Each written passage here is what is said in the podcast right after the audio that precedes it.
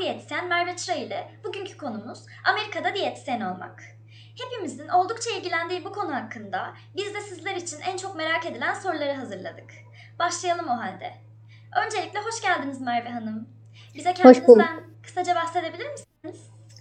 Hoş buldum Beril. Ee, tabii ki bahsedebilirim. Ee, söylediğim gibi ben e, Amerika New York'ta bulunuyorum. Ee, lisansımı ve yüksek lisansımı Türkiye Yeditepe Üniversitesi'nde yaptım.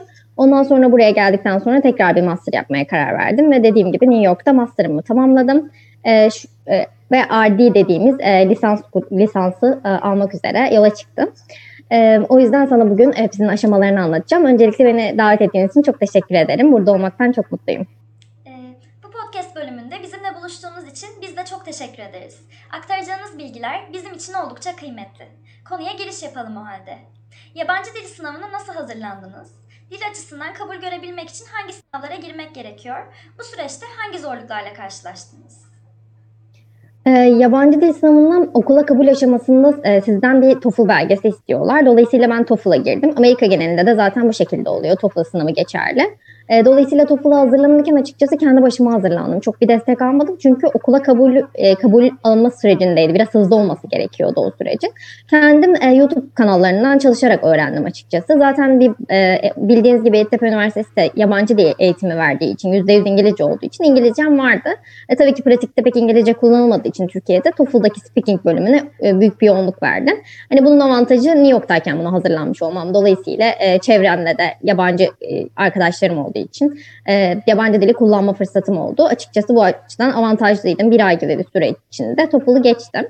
E, her okulun kendi bu arada puanlama sistemi oluyor. E, dolayısıyla her okulun kendi kriterlerine bakıp ona göre aslında sizin de TOEFL hazırlanmış olmanız gerekiyor. Bu aşamadan sonra okul başvurusunu yaptım. E, TOEFL olmadan e, maalesef okulla herhangi bir kayıt vesaire yaptıramıyorsunuz yabancı öğrenci olduğunuz için.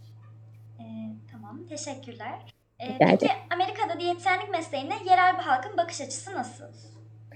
Genel olarak güzel açıkçası. Mesela ben zaten hani diyetisyen olduğum için Türkiye'de de geldiğimde herkese diyetisyen olduğumu söylediğimde wow falan diyorlardı böyle. Yani çok etkileyici. Çünkü sağlıklı beslenmeye herkesin ilgisi var. Ee, bu popülerleşen bir kültür aslında bir yandan ama tabii Amerika'ya özellikle Batı bölgesine çoktan gelmiş e, bir kültür. Dolayısıyla hani il- ilgileniyorlar. İşte çok böyle Türkiye'deki gibi sadece böyle direkt soru sormaya başlamıyorlar. Ee, daha çok hani ne yaptığını, e, hangi alanda iyi olduğunu vesaire soruyorlar. Ee, o yüzden hani aslında güzel, güzel bir meslek yani meslek grubu. Hani çünkü emek verildiğinde birazdan anlatacağımda göreceksiniz ki çok emekli bir meslek. Ee, dolayısıyla insanlar çoğunlukla bunu biliyor. Ee, çevresinde biri var ya da işte araştırmış. Ee, dolayısıyla da size ona göre davranıyorlar. Ama güzel tabii ki hani e, biliyorsunuz ki bu diyet kültürü dediğimiz e, çevre biraz insanları ya da işte bu söylem insanları biraz soğuttu diyetisyenlere karşı. Bu da bir gerçek. Ee, o yüzden e, bazıları biraz böyle mesafeli durabiliyor size karşı diyetisyen olduğunuzu söylediğinizde ama tabii siz biraz daha e, karşınızdakinin açılmasını sağlayan sorular sorduğunuzda veya işte kendi amacınızı belli ettiğinizde aslında ona faydalı olacağınızı söylediğinizde hani sonuç olarak karşılıklı bir e, etkileşim olacak ve karşınızdaki kişi fayda sağlayacak bu durumdan. Onu anlatabildiğiniz zaman o e, nasıl diyeyim o buz kırılıyor, bu, buz eriyor aranızdaki. E, dolayısıyla aslında dediğim gibi çoğunlukla güzel tepkiler aldım şu ana kadar. Peki Amerika'da klinik ve toplum sağlığı alanlarında diyetisyenlik yapmanın zorlukları nelerdir? Kısaca bahsedebilir misiniz? Tabii ki bahsedebilirim. Ee, şöyle ben klinik alanda çalıştım, toplum sağlığında da çalıştım ama toplum sağlığında birebir çalışamadım çünkü Covid girdi araya. O yüzden uzaktan çalıştım. Onu hani ben tecrübeme dayanarak anlatacağım için bunu söylemiş olayım. Ee, klinik alanında çalışma zorluğu en çok beni zorlayan Covid'di açıkçası. Çünkü 3 maske takıyorduk işte göz maskesi dahil. Ee, dolayısıyla da hastaya gidiyorsun. Bazen hastalar Covid olabiliyor Ee, ve o çok o pik dönemde ben çalıştım işte Şubat falandı. Ee, Dolayısıyla hani o aylarda ondan çok zorlandığımı hatırlıyorum. Ama tabii ki asıl zorluk kısım e, mesela yoğun bakımdaki hastanın e, bir türlü yemeye başlamaması. Biliyorsunuz ki doktorlar e, birazcık e, beslenmeyi arka plana atabiliyor bazı durumlarda. Özellikle hastanın ilacı işte ayarlanıyorsa vesaire. Bu durumlarda hastanın malnütrisyon sıkıntısı olabiliyor. Malnütrisyon sıkıntısı da tabii e, bu hastanın yatış süresini uzatıyor. Dolayısıyla bizim her zamanki söylediğimiz gibi amacımız hastanın yat- yatış süresini azaltmak. Mümkün olduğunca çabuk taburcu edip bir daha hastalığın tekrarlanmaması E, buradaki bizim amacımız bu. Dolayısıyla bizim oradaki görevimiz hastanın bir an önce aslında beslenmeye başlaması küçük dozda da olsa. E, dolayısıyla orada bir mücadele vermeniz gerekebiliyor. İşte hastanın e, doktoruyla veya doktor asistanıyla görüşmeniz ve hastayı bir, bir bir, bir an önce beslenmeye başlatmanız gerekiyor. E, klinik yani onun dışında normal katlarda işte kalp hastalıkları, gebelik vesaire o katlardan çok bir sıkıntı yaşamadım ama prosedürü izlemeniz gerekiyor. Prosedür çok önemli ve belgeleme çok önemli Amerika'da. Yani her gördüğünüz hastanın bir, bir buçuk sayfa bir belgelemesi oluyor mesela. Ben o adımların hepsini öğrendim ee, ve kendimi hani o şekilde geliştirdim oradayken. Çünkü bunlar Türkiye'de yaptığım şeyler değildi doğrusunu söylemeniz gerek söylemek gerekirse. Türkiye'deki belgeleme işi çok kısa buraya kıyasla. Dolayısıyla o belgeleme işlemi bizim asıl e, işimizin zorluğu ve e, emek ve zaman isteyen kısmı. Ama onun dışında eğer işinizi biliyorsanız hastayla çok rahat bir şekilde iletişim kurabiliyorsunuz. E, toplum sağlığında da kısaca bahsedecek olursam, hani bilmediğim bir alanda doğrusunu söylemek gerekirse, mesela işte Women Infant Children Week dediğimiz bir e, program var. Bu programda e, işte çocuklara adı üstünde bebeklere, annelere yardım ediyorsunuz. İşte annenin nasıl emzirmesi gerektiğini, emzirmenin faydalarını, e, işte hangi reflekslerin çocuktaki emzirmeye e, geçebileceğini gösterdiğini ya da işte e, parmak finger food dediğimiz besinlere geçeceğini gösterdiğini falan anlatmanız gerekiyor. Anneye eğitmeniz gerekiyor. Bunlar bilmediğim şeyler de öğrenmek beni çok mutlu etti. Ee, onun dışında da toplum sağlığında hani hatırladığım başka hani böyle belli bir zorluk çıkmadı karşıma ama tek zorluk şu olabilir İspanyolca bilmemem. E, çünkü birçok anne yani özellikle bu düşük sosyoekonomik gelirli bölgeden olan annelerimiz e, Latin kökenli anneler. Dolayısıyla ana dilleri İngilizce değil, e, İspanyolca. Biz de İspanyolca konuşamadığımız için e, o şekilde bir anlaşma zorluğu oluyormuş. Bu da arkadaşlarımdan duyduklarım. şekilde. Ee, peki Amerika'da yüksek lisans süreci nasıl ilerliyor? Biraz bahsedebilir misiniz? Ee, yüksek lisans süreci şimdi ilk başta yapmanız gereken e, okula e, direktöre ulaşmak. Okuldaki yüksek lisans işte graduate director'a ulaşmak sizin bölümünüzle alakalı hangi bölümde, hangi alanda yapacaksanız. Ondan sonra ulaştıktan sonra genelde e, o size neler yapmanız gerektiğini söylüyor. Yani ben bu şekilde yaptım ama aslında ilk başta yapmanız gereken doğrusu e, diplomanızı e, bir e, değerlendirme merkezine götürmeniz. Bunun da e, akademi onaylı bir e, ajanta tarafından olması gerekiyor. E, o ajantaya götürüyorsunuz. Diyorsunuz ki hani birebir e, ben bunun e, değerlendirmesini yaptırmak istiyorum. Course by course diye geçiyor. E, değerlendirme yaptırdıktan sonra bunu direktöre götürüyorsunuz. Direktör de sizin e, işte master'a e, hem hem niyetinize bakıyor, derslerinize bakıyor. Yani altına belki hani e, orada Türkiye'de aldığınız ders varsa ki benim için öyleydi. O yüzden ben böyle anlatıyorum. Ben Türkiye'de de master yaptığım için 5 derse yakın vesaire saydırdım diye hatırlıyorum şu anda ama benim de bayağı bir zaman geçti üzerinden. Ondan sonra o geri kalanları alıyorsunuz. E, ama onun dışında tabii önemli olan recommendation letter dediğimiz e, referanslarınız çok önemli. İki tane bir tane personal statement'ınız var. E, bu da işte sizinle ilgili asıl sizi e, gerçekten tanımalarını sağlayan bir e, metin. Sizin yazdığınız, sizin elinizden yüzde yüz çıkmış olması gerekiyor. Ve TOEFL sonucu e, bu şekilde başvurunuzu tamamlıyorsunuz. Tabii ki o başvuru zamanı var. O zamanı kaçırmamanız gerekiyor. O şekilde sonra kabul alırsanız da işte ödemenizi yapıp başlıyorsunuz. E, yeni sorumuza geçelim. RD nedir ve olmak için hangi şartları yerine getirmeliyiz? Evet, en güzel soru. Bu uzun bir cevabı olacak şimdiden söyleyeyim. Şimdi RD nedir? Registered Dietitian. Yani siz e, Amerika'da diyetisyenlik yapmaya e, yasal olarak uygunsunuz demek oluyor bu ünvanı aldığınızda. Yani sizin bir RD olduğunuzu duyarsa siz Registered Dietitian oluyorsunuz. E, ve Amerika'da diyetisyen olarak herhangi bir yerde çalışabiliyor. Şimdi bunu almak için herkesin yani benim de işte herhangi bir Amerikalının da işte bu bölüme ya da RD olmaya karar verdiğinde yaptığı şey hepsi aynı. Dolayısıyla bunun international olarak ayırmamız bence çok mantıklı olmaz. Sadece bazı anlamlarda international işte TOEFL'dan bahsettim. O master'a girmek için zaten istenen bir şeydi. Ee, onun dışında bir ayrımı yok. Ee, şimdi şöyle. E, öncelikle bir bachelor degreeniz olmak istiyor, olmanız, olması gerekiyor. Yani e, lisans diplomanız olması gerekiyor. Bu herhangi bir bölümden olabilir. Bu lisans diplomasına ek olarak DPD Verification Statement dediğimiz e, Didactic, Didactic Program and Dietetics e, belgeniz olması gerekiyor. Bu belgeyi de aldıktan sonra ne, DIA'ya yani Dietetic Internship'e bizim dördüncü sınıfta yaptığımız internship'e girme hakkı kazanıyorsunuz. Bu girme yani bu girme olayı tamamen bambaşka bir hikaye. Çünkü DIA çok uzun bir süreç. İşte DIA'ya 6 ay önceden başvuruyorsun. Okullar arasında seçim yapıyorsun. Hem okullar seni almak istiyor hem hem çok yarış e, halinde özellikle New York bölgesinde. Hani çok az okul var çünkü girebileceğiniz. ne 14 kişi alıyor. Yani 100, benim zamanımda mesela 200 kişi arasından ben 14 kişi içinde girmiştim. E, dolayısıyla bu şekilde anlatabilirim size nasıl bir yarış olduğunu benim okulum için. Öyleydi. Diğer okullar belki daha da fazla bir e, yarış durumu vardı. Tam bilmiyorum orayı. E, dediğim gibi bu DIA'ya girmek bambaşka bir hikaye. DIA'ya girmeye hak kazanıyorsunuz. DIA'ya girdiniz 12 ay genelde sürüyor. 1000-1200 saat arasında supervised practice yapmanız gerekiyor. Yani bir diyetisyen altında çalışmış olmanız gerekiyor. Bu bahsettiğim alanlarda klinik, poliklinik, e, onun dışında toplum sağlığı ve tabii ki e, food service dediğimiz e, yeme içme e, bölümünde yani toplu beslenme sistemleri Türkçesi. Toplu beslenme sistemlerinde çalışmış olmanız gerekiyor. Sonra işte dediğim gibi bir bin saat onu yapıyorsunuz. O da yaklaşık 12 ay sürüyor. Sonrasında sınava girmeye hak kazanıyorsunuz. Yani RD sınavı, Registered Dietitian. Bu tabii akademi tarafından yapılıyor. Akademi tarafından yapılan bu sınava girmeye hak kazanıyorsunuz. Bu sınavı da geçtikten sonra lisansınızı almış oluyorsunuz. Sonra artık e, state ile alakalı varsa düzenlemeler yap kısmında bir paperwork dediğimiz işte bu kağıt işleri, işte belge işleriyle uğraşıyorsunuz. E, sonrasında diyetisyensiniz. Süreç bu şekilde herkes için aynı. DPD belki biraz anlatmam gerekir. Çünkü DPD e, nedir? E, DPD bizim temel derslerimiz var biliyorsun. İşte e, hastalıklarda diyet, işte US sistemine göre, Amerika sistemine göre e, sağlık nasıl ilerliyor, sağlık sistemi nasıl Amerika'da vesaire gibi bu dersleri Türkiye'de doğal olarak almadığımız için burada da almamız gerekiyor. Ama dediğim gibi diğer diyetisyenler de aynı şekilde bu dersleri almak zorunda. E, bu dersleri aldıktan sonra e, DP ve geçtikten sonra e, DPD'yi almış oluyorsunuz. O önemli bir süreç. Onsuz e, diğer süreçlere gidemiyorsun dediğim gibi.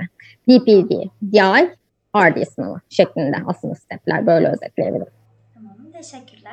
Ee, peki yurt dışında yüksek lisans yapmak ya da çalışmak isteyenlere Amerika'yı önerir misiniz?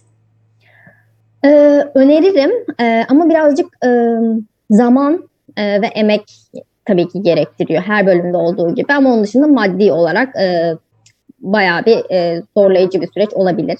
Hazırsanız buna tabii ki neden olmasın. E, ama hani her giriş aşamasında bir daha bir sınav var. Mesela bu söylediğim bütün steplerde e, hepsinin bir sınav vardı sonucunda. O sınavları geçmeniz gerekiyor. Hani buna çok fazla kendinizi e, hazır hissetmiş olmanız lazım bence. En önemlisi her anlamda ma- maddi manevi e, anlamda. Dolayısıyla onu yaptıktan sonra tabii ki öneririm. Çok güzel bir şey yani burada e, master yapmış olmak. E, isteyen herkes için umarım yollar açık olur. İsteyen herkes yapabilir umarım. Ama öneririm genel olarak söyleyecek olursam. Ee, diğer sorumuza geçelim. Amerika'daki eğitim ile Türkiye'deki eğitimi karşılaştıracak olursak temel farkları nelerdir? Bunu açıkçası e, biraz düşünmek durumunda kaldım. Çünkü çok uzun zaman geçti ben. 2015 mezunuyum e, Türkiye'den. E, hani hatırladığım kadarıyla e, ben burada işte lisans değil de yüksek lisans yaptığım için şöyle en önemlisi burada çok fazla ödev yapıyoruz. E, ödevler bize çok şey öğretiyor. Genelde çok öğretici ödevler oluyor. O ödevlerin diğer bir avantajı ise bunların akılda kalıcı oluşuyor. Yani ödev yapmak sınava girmek gibi olmuyor. Zaten sistem şöyle yani siz orada işte mesela ilk gün derse başladınız. işte syllabus aldınız. Syllabus'a bakıyorsunuz. Ödevlerin yüzdesi testlerden çok daha fazla. Bu demek oluyor ki sen ödevleri çok iyi yapacaksın. Ödevlerde çok iyi olmazsan aile geçme şansın yok. Ve genelde e, zaten burada C olmuyor. C demek kalmak demek. O, o yüzden çok sek yani 70-80'i en azından görmüş olman lazım kağıtlarında. Dolayısıyla da e, bizim özellikle bölümümüzde galiba bölümden bölüme değişiyor. Ama başarılı bir öğrenci olmak zorundasın diyetisyenlik yapacaksan. E, dediğim gibi bu ödevlerin yoğunluğu bana çok şey öğretti ve eminim ki sistem zaten bu şekilde işliyor. Yani ödevler, işte sizin yaptığınız projeler, sunumlar yoğunlukta olacak şekilde. Sizi asıl dünyaya hazırlayan kısım daha yoğun. Ee, burada fark bence bu. Çünkü ben hani bölümde hatırladığım kadarıyla e, yani çok fazla ödevim olmazdı. Şimdi çok hani sunum yapardık onu hatırlıyorum özellikle sona doğru ya da yüksek lisansta sürekli sunumlarımız olurdu. Ancak ee, öyle hani çok fazla ödev yaptığımızı hatırlamıyorum. Bence çok büyük bir fark burada var. Bir de öğretmenlere ulaşılabilir genelde. Ben zaten öyle bir okul seçtim. Hani ulaşabileceğim bir okul seçtim. Ee, dolayısıyla da hani 20-25 kişilik sınıflar olduğu için öğretmen seni tanıyor. İşte gidip soru sorabiliyorsun çok rahat. Hocalar asla sen çıkmadan o sınıftan çıkmıyor, bekliyor.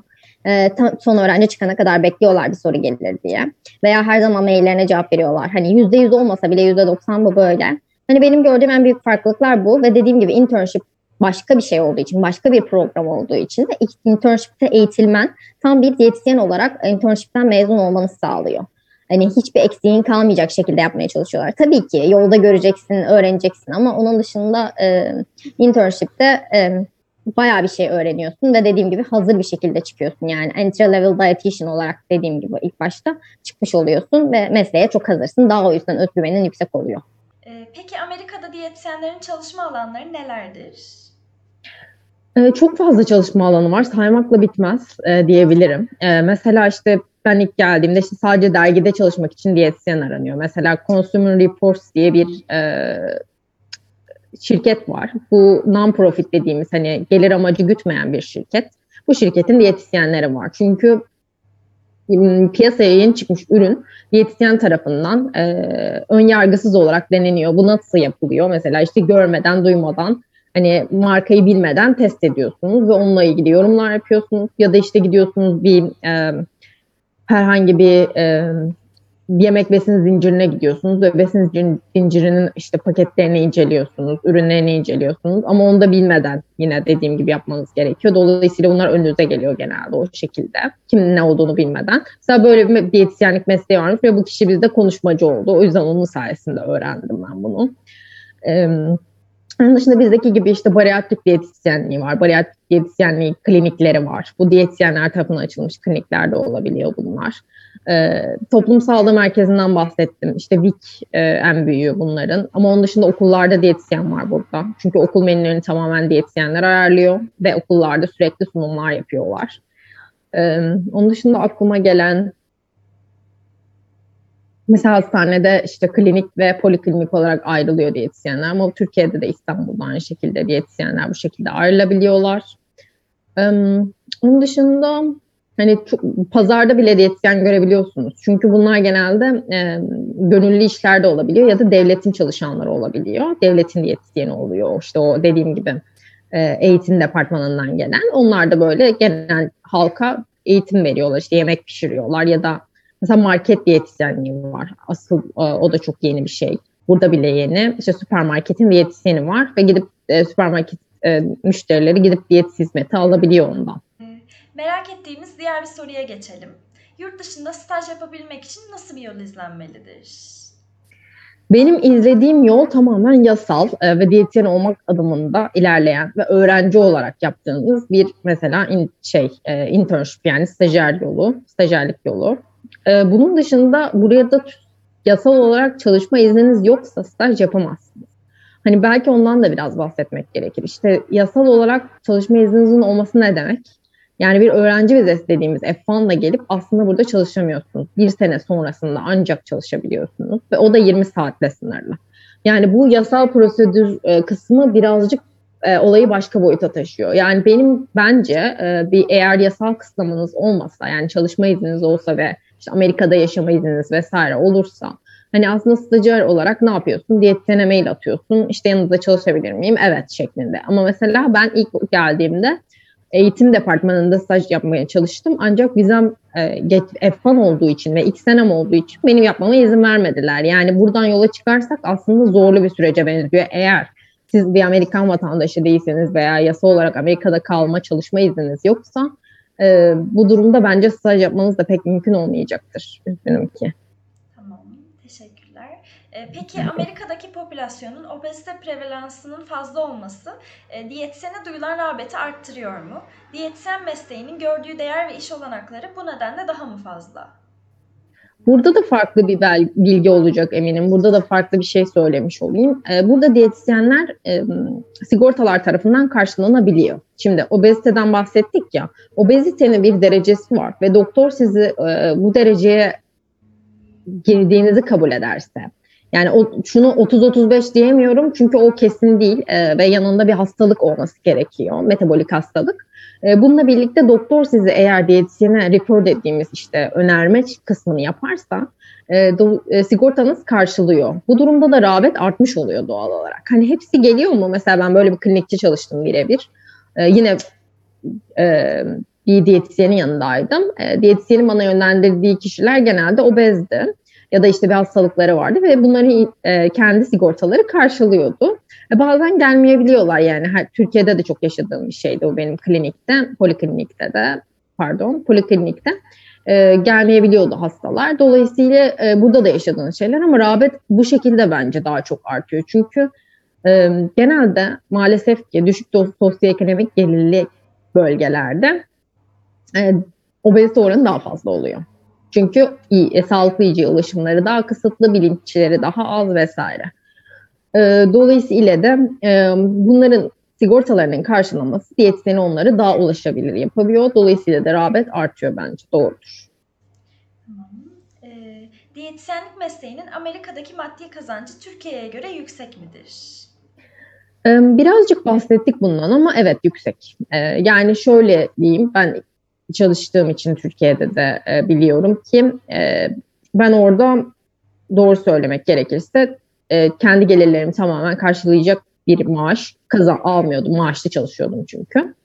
E, Dolayısıyla buradaysa ka- kazandığınız maaş e, sizin buradaki kiranız, ev giderleriniz işte e, ve size arta kalacak olan para e, kısmında e, yeterli oluyor gördüğüm kadarıyla. E, ve onun dışında da hani bu arta kalan para size kalmış. Dediğim gibi ben New York'ta Manhattan'da yaşıyorum. Dolayısıyla da burası masraflı bir şehir. E, işte ev kirası, işte giderleri vesaire. Ama yani tamamen size kalmış bir şey. Bunu daha azaltabilirsiniz. İşte yaşam standartınızı biraz değiştirebilirsiniz vesaire. Bu durumdaki size bir para da kalıyor. Yani e, şu anki durumu bilmiyorum tam olarak Türkiye'de ben e, 4 yıldır hiç hani o ortama girmedim ama e, dediğim gibi e, bence kesinlikle fazla burada kazandığım para Türkiye'den. Ee, son olarak herhangi bir üniversitede bulunan akademisyenlerin çalışmalarını beğenip çalışmalarında yer almak için gönüllü olabileceğimizi söylemek, Amerika'da eğitim alabilmek açısından bir fırsat mıdır? Bu şekilde kabul alınabilir mi? Ee, Burada da kişisel bir, bir ilgim yok. Ee, Ben bir çalışmada yer aldım ama stajyer olurken işte dietetik internken e, biz çalışmada research bölümü de var çünkü orada yapmanız gereken research'ı yaptım ve bir çalışmada yer aldım. Hani e, dolayısıyla bu bu şekilde yapabiliyorsun bunu ama işte Türkiye'deyken bir, birine mail, et, mail atmak bir profesöre ve sonrasında onun çalışmasında yer almak için işte burs almak vesaire bunu deneyen bir arkadaşım oldu. Maalesef e, başarılı olamadım. E, sunumu falan her şey hazırdı aslında ama olmadı. Onun dışında başka bir örnek gelmiyor aklıma. E, belki mümkün olabilir ama hani birazcık uzak bir ihtimal gibi geldi bana. Uzman diyetisyen Merve Çıra ile oldukça keyifli sohbetimizi burada noktalıyoruz. Yurt dışında diyetisyen olmak podcast serimizin ilk bölümü olan Amerika'da diyetisyen olmak podcastimizin sonuna geldik. Bir araştırma bir sunum topluluğunun podcast alanında içerik üretmesine katkıda bulunduğundan dolayı uzman diyetisyen Merve Çıra'ya çok teşekkür ederiz. Yeni podcast yayınlarımız için bizleri sosyal medya hesaplarımızdan takip etmeyi unutmayın. Keyifli günler diliyoruz.